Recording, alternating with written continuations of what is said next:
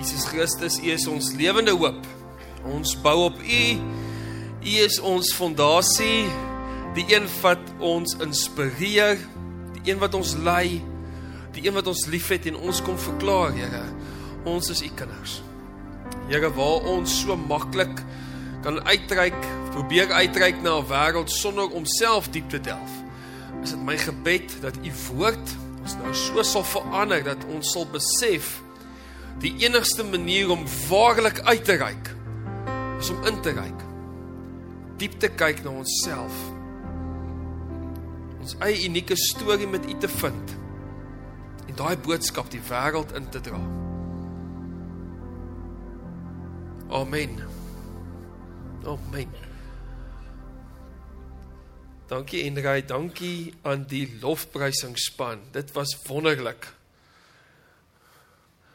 Toe ek net klaar gemaak het met matriek so 20 jaar terug, toe besluit ek ek gaan 2 jaar diensjaar vir Christus doen. Wie van julle onthou diensjaar vir Christus? Ah, sien ons ouens wat 1 jaar of 2 jaar diensjaar vir Christus gedoen het en dan was daar ouens wat 4 of 5 jaar gedoen het. Ons het altyd gespot en gesê hulle doen nie diensjaar vir Christus nie, hulle doen nie diensjaar vir Christus, hulle doen diensjaar tot Kersfees.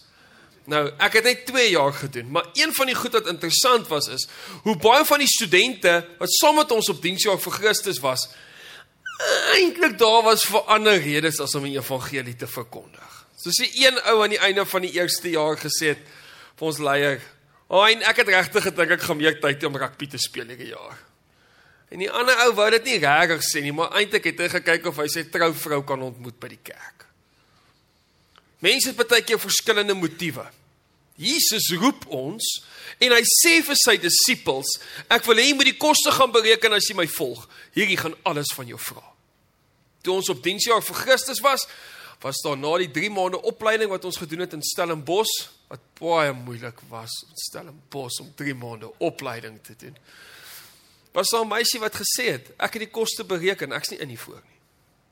Sy het gesê ek ek verstaan nou. Ek het gekom om myself uit te sorteer. Ek het 'n klomp goed geleer oor my lewe, maar ek ek ek, ek sien nie kans. Ek besef Jesus roep my vir iets waarvoor ek nie nou geroep is nie. Ek gaan terug huis toe en ek gaan volgende gaan swat.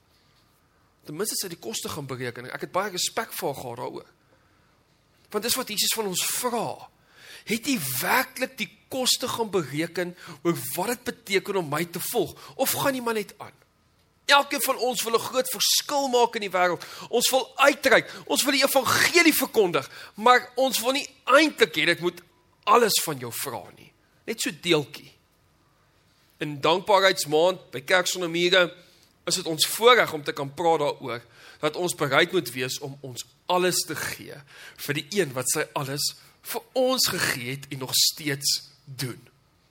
En daarom is dit my voorreg om saam met u te blaai ons gaan kyk na Paulus se lewe en hoe Paulus konstant in sy sendingreise en handelinge vind ons. Ons gaan uit Romeine uit saam lees maar ons vind gereeld in Handelinge hoe Paulus besig is om nie te dink oor hierdie evangelie wat hy moet verkondig. In elke konteks waar hy is pak hy dit bietjie anderste aan want hy besef 'n nuwe konteks vra 'n nuwe opoffering. Dit vra 'n nuwe manier van kyk. Dit vra 'n nuwe manier van leer Elke keer wanneer Paulus sê ek is bereid om uit te reik, is hy ook bereid om in te reik en te kyk, hoe kan ek dit beter doen?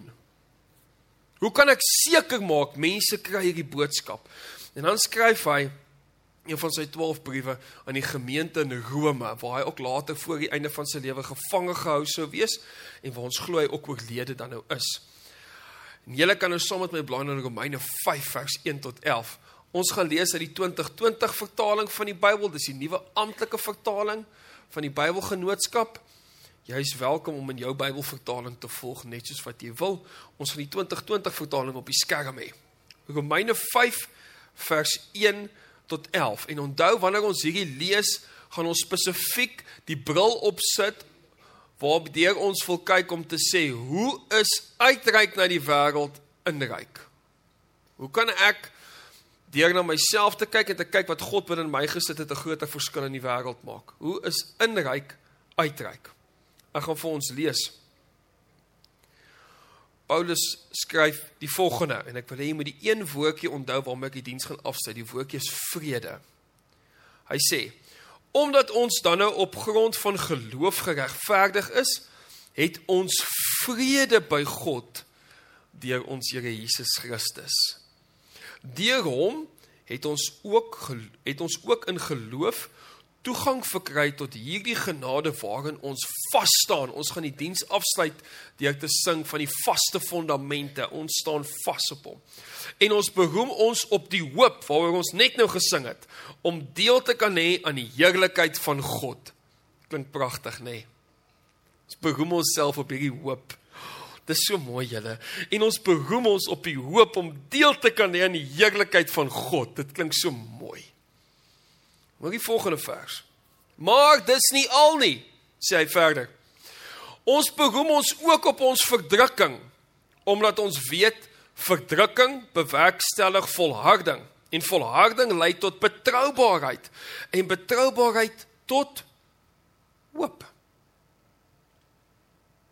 So hy hy hy maak 'n siklus. Hy praat eers oor hierdie hoop waaroor ons almal ken, dis die hoop wat ons het om deel te kan hê aan die heerlikheid van God. Ons almal het hierdie hoop wat in ons leef dat ons eendag by die Here sal wees.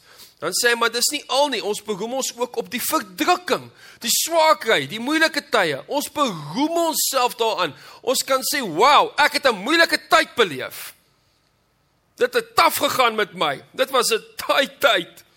Want hy sê as ons dit kan doen, weet ons daai daai verdrukking bewerkstellig volharding volharding lei tot betroubaarheid en betroubaarheid lei tot hoop in hierdie gevalle baie volwasse hoop Nou wil ek dit vir julle so verduidelik. Wie van julle het al deur 'n baie moeilike tyd gegaan en dan deel jy met iemand vir wie jy omgee hoe moeilik dit met jou gaan? Want jy wil net jy moet luister en hulle moet vir jou omgee en eintlik net vir jou 'n drukkie gee en vir jou sê dit gaan oukei okay wees, moenie bekommerd wees nie. Ons gaan by jou staan. En in plaas daarvan gee hulle vir jou al die raad in die wêreld. Want hulle weet mos presies hoe lyk jou lewe. Wie van julle het al dit gehad? Wat met my gebeur? Vra iemand vir raad want jy gaan deur 'n tawwe tyd en die raad wat hulle vir jou gee is ja, asof ek nog nie daaraan gedink het 2 uur vanoggend nie. Was al daar. Ek het al al die scenario's deurgetrap. Ek kort iemand wat vir my 'n lewendige hoop kan gee. Daar's niks wat mense meer seermaak as iemand wat 'n lukraak antwoord gee op 'n moeilike geloofssituasie nie. Daar's niks so seer soos iemand wat maak asof hulle presies weet waar jy gaan en hulle het geen idee nie. Dis waarvan Paulus hier praat. Hy sê die tipe hoop waarop jy kan roem is die hoop wat iets verstaan van verdrukking en volharding en wat 'n betroubaarheid by jou gekweek het want dit lei tot hierdie egte hoop, hierdie volwasse hoop. Dan sê hy verder in vers 5 en die hoop en hier praat hy spesifiek van hierdie hoop wat jy gekry het deur volharding en hierdie hoop beskaam nie. Beskaam nie, want God se liefde is in ons harte uitgestort deur die Heilige Gees wat aan ons gegee is. 17 jaar terug is ek in Bloemfontein gekaap en ontvoer. Ja, Bloemfontein. En na die tyd het al die ouens in die koshuis vir my vertel: "Nee man, jy moet hom net so vat en slaan hom so en sort hom uit." asof jy kan redeneer met mense wat Black Label gedrink het en dagga gerook het. En almal was baie braaf, maar niemand van hulle was daar nie. Tot een van daai ouens 6 weke later ontvoer of nie ontvoer was, hy gekaap was en sê, "Ja, ek het skus ek het gepraat, ek het geen idee gehad hoe dit eintlik is." Ja, verstaan jy nou? Dis wat hy sê. So eintlik wat daai vriend van my op in die koshuis gesê het is, Skus, jy het hoop nodig gehad en eintlik my antwoord is iets waar ek myself nou skaam. Wie van julle het al vir iemand raad gegee oor 'n moeilike tyd in hul lewe net om 'n paar maande later deur 'n soortgelyke ding te gaan en te sê, "Wow, ek kan nie glo ek het daai tipe raad gegee nie." Kan dit nie glo nie, ek skaam myself wat ek gedink het ek gee goeie raad. Dis hoekom Paulus hierdie skryf. Hy wil hê die gemeente in Rome moet 'n deurweekte hoop hê. 'n Hoop wat al deur die swaarkry gegaan het, 'n hoop wat al gesien het hoe taaf die lewe is. 'n hoop wat bereid is om langs mense te staan en te sê, ek weet nie wat die antwoord is nie, maar kan ek jou vertel, my hoop is in die Here. En ek verstaan nie wat jou uitdaging is nie. I don't get it, but I don't have to. Want ek staan saam met jou in hierdie hoop. Ek gaan nie vir jou maklike antwoorde gee nie. Ek gaan my vinger wys in die rigting van die kruis wat wat leeg is. Een wat vir my gesterf het. Die een wat my antwoord is. Kom ons leef hoopvol saam met hom. Dis wat hy sê en hierdie hoop beskaam nie want God se liefde is in ons harte uitgestort deur die Heilige Gees wat aan ons gegee is. En dan hoor nou hierdie pragtige deel in vers 6. Toe ons nog magteloos was, het Christus immers op die regte tyd vir goddeloses gesterf. Hy verduidelik dit verder dat ons mooi kan verstaan wat hy bedoel. 'n Mens sal nie maklik vir 'n regverdige sal sal nie maklik vir 'n regverdige persoon sterf nie. Al sou 'n mens dalk nog die moed hê om vir so 'n goeie persoon te sterf. En wat hy hiermee sê is jy sal nie jou lewe aflê vir iemand wat dit nie werd is nie. Dis alwaar dit gaan. Dan sê in vers 8: God bewys egter sy liefde vir ons daarin dat Christus vir ons gesterf het toe ons nog sondaars was. Hoeveel te meer sal ons dan deur hom van die oordeel gered word nou dat ons deur sy bloed geregverdig is? As ons toe ons nog vyande was met God versoen is deur die dood van sy seun, hoeveel te meer sal ons deur sy lewe verlos word nou dat ons met hom versoen is? En hier is dan daai pragtige deel vers 11. Maar dis nie al nie. Ons vind ons roem ook in God deur ons Here Jesus Christus, deur wie ons nou die verzoening ontvang het. As daar iets is wat ons wêreld so nodig het, is dit 'n lewendige hoop. 'n lewendige hoop vind jy net wanneer jy bereid is om diep in jouself te kyk en te sê dis wat God in my lewe gedoen het. Dis hoe hy my uniek gemaak het. Dis my potensiaal, dis my gawes, dis my talente, dis als inryk. Want vanuit inryk uit het jy die potensiaal om te sê Here, hier's dit. Hier's dit alles. Vat alles van my. Vat my nes ek is. Dis net deur inryk dat jy kan uitreik want daar is altyd uitdagende tye wanneer jy bereid is om 'n verskil te maak in ander mense se lewens. Ek gaan met julle vier baie belangrike dinge deel wat jy vandag in jou lewe al kan doen want ons het gesê ons gaan nie teoreties bly nie, ons gaan prakties raak. Vier belangrike dinge wat jy vandag kan doen om prakties te raak oor jou verhouding met die Here en hoe jy kan inryk en so kan uitreik. Die eerste een is en ons vind al vier hier in Paulus se lewe en wat hy skryf. Die eerste een is Paulus weet hy het sonde en swakhede. Paulus weet hy het uitdagings. Julle daar's niks so moeilik soos iemand wat vir die wêreld so erg soos iemand wat vir die wêreld wil vertel Jesus leef, maar jy dink amper hy's bo Jesus nie.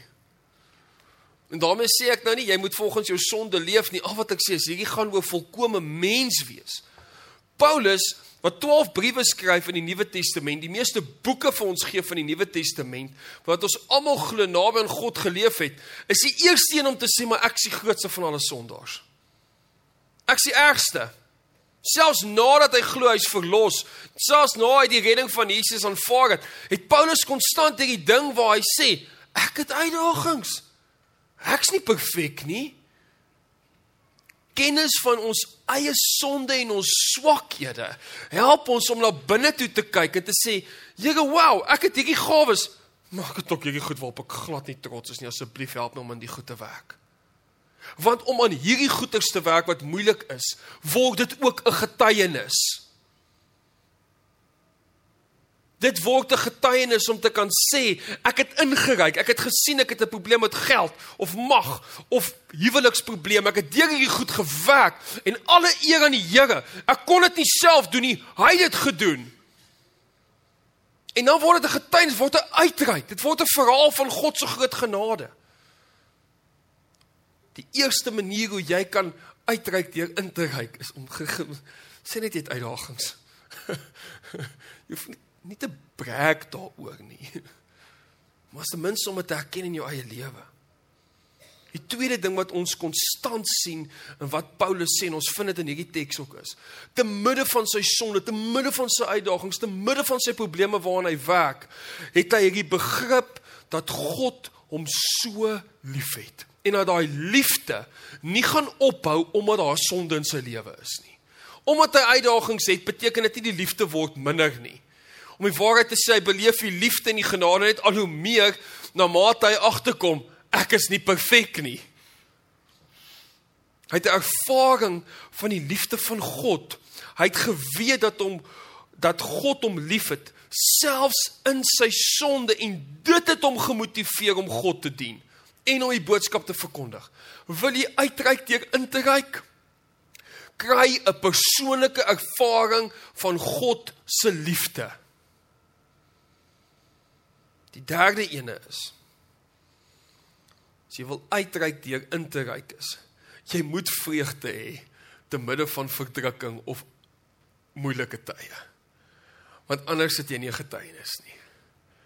Net omdat jy klaagliedere lees, beteken nie dat jy hoef te lyk soos klaagliedere nie. Net omdat dit moeilik gaan en omdat jy groot uitdagings het, beteken nie jy moet lyk asof jy krepeer nie. Gee altyd jou beste. Glimlag. Gee jou beste wanneer dit kom by vreugde. Vreugde in verdrukking is deel van ons getuienis. Ons kan net uitreik as ons inreik en hierdie innerlike vreugde vind. En ons 'n verskil tussen vreugde en plesier. Om te sien hoe Ierland die Skotte wen, is plesier. Dit is net plesier as jy dalk 'n Ier is of dalk hier is. Dis net 'n plesier, maar weet jy wat? Om langs jou vrou in die bed te kan lê en haar hand vas te hou en te kan sien hoe gebeur dit en jy's trots op die ure want hulle werk al soveel jaar net om bietjie iets te wen in die rugby wêreldbeker. Vir jou vrou na die tyd te kan praat oor die dis vreugde. Daai's vreugde. Plesier is om te weet jy het genoeg geld om skaapbou te kan koop. Vreugde is om dit te kan deel met mense vir wie jy lief is. Vreugde is ook om te sê hierdie jaar is daar nie skaapbout nie. Daar's net marmite broodjies. Maar ons gaan nog steeds glimlag oor die marmite broodjies. Ons gaan dit met vreugde eet. Dis die verskil tussen vreugde en plesier. Ons word geroep om vreugde te hê te midde van die uitdagings wat ons het. Dan kan jy uitreik. Die laaste gedagte waarmee ek wil afsluit is As jy wil uitreik, moet jy beweeg van 'n ontvanger van die evangelie na 'n boodskapper van die evangelie. Dis so eenvoudig soos dit. Hoor mooi wat ek sê. Ons is amper 19124 of wat ook al lidmate in die gemeente tussen twee bedieningspunte. En almal van ons wil ontvang. Nie net ek nie, nie net julle nie, die personeel, almal wil voel hulle groei geestelik. Almal is hier om te ontvang. Maar ons moet ook almal boodskappers wees van iets wat in ons lewens gebeur het. Elkeen van ons het 'n boodskap. Paulus se skuif in sy teologie gebeur juis wanneer hy besef ek is nie net 'n ontvanger van hierdie genade nie. Ek is 'n boodskapper van hierdie genade. As jy daai skuif maak, as jy hierdie vier skuwe in jou lewe kan doen, dan sal jy beweeg na iemand wat uitreik na die wêreld omdat jy ingeryk het. En dan sal jy besef dat net baie keer Net baie keer is daar oomblikke wat jy besef hier is belangriker as ander. Net baie keer moet jou dogtertjie koors kry in die aand.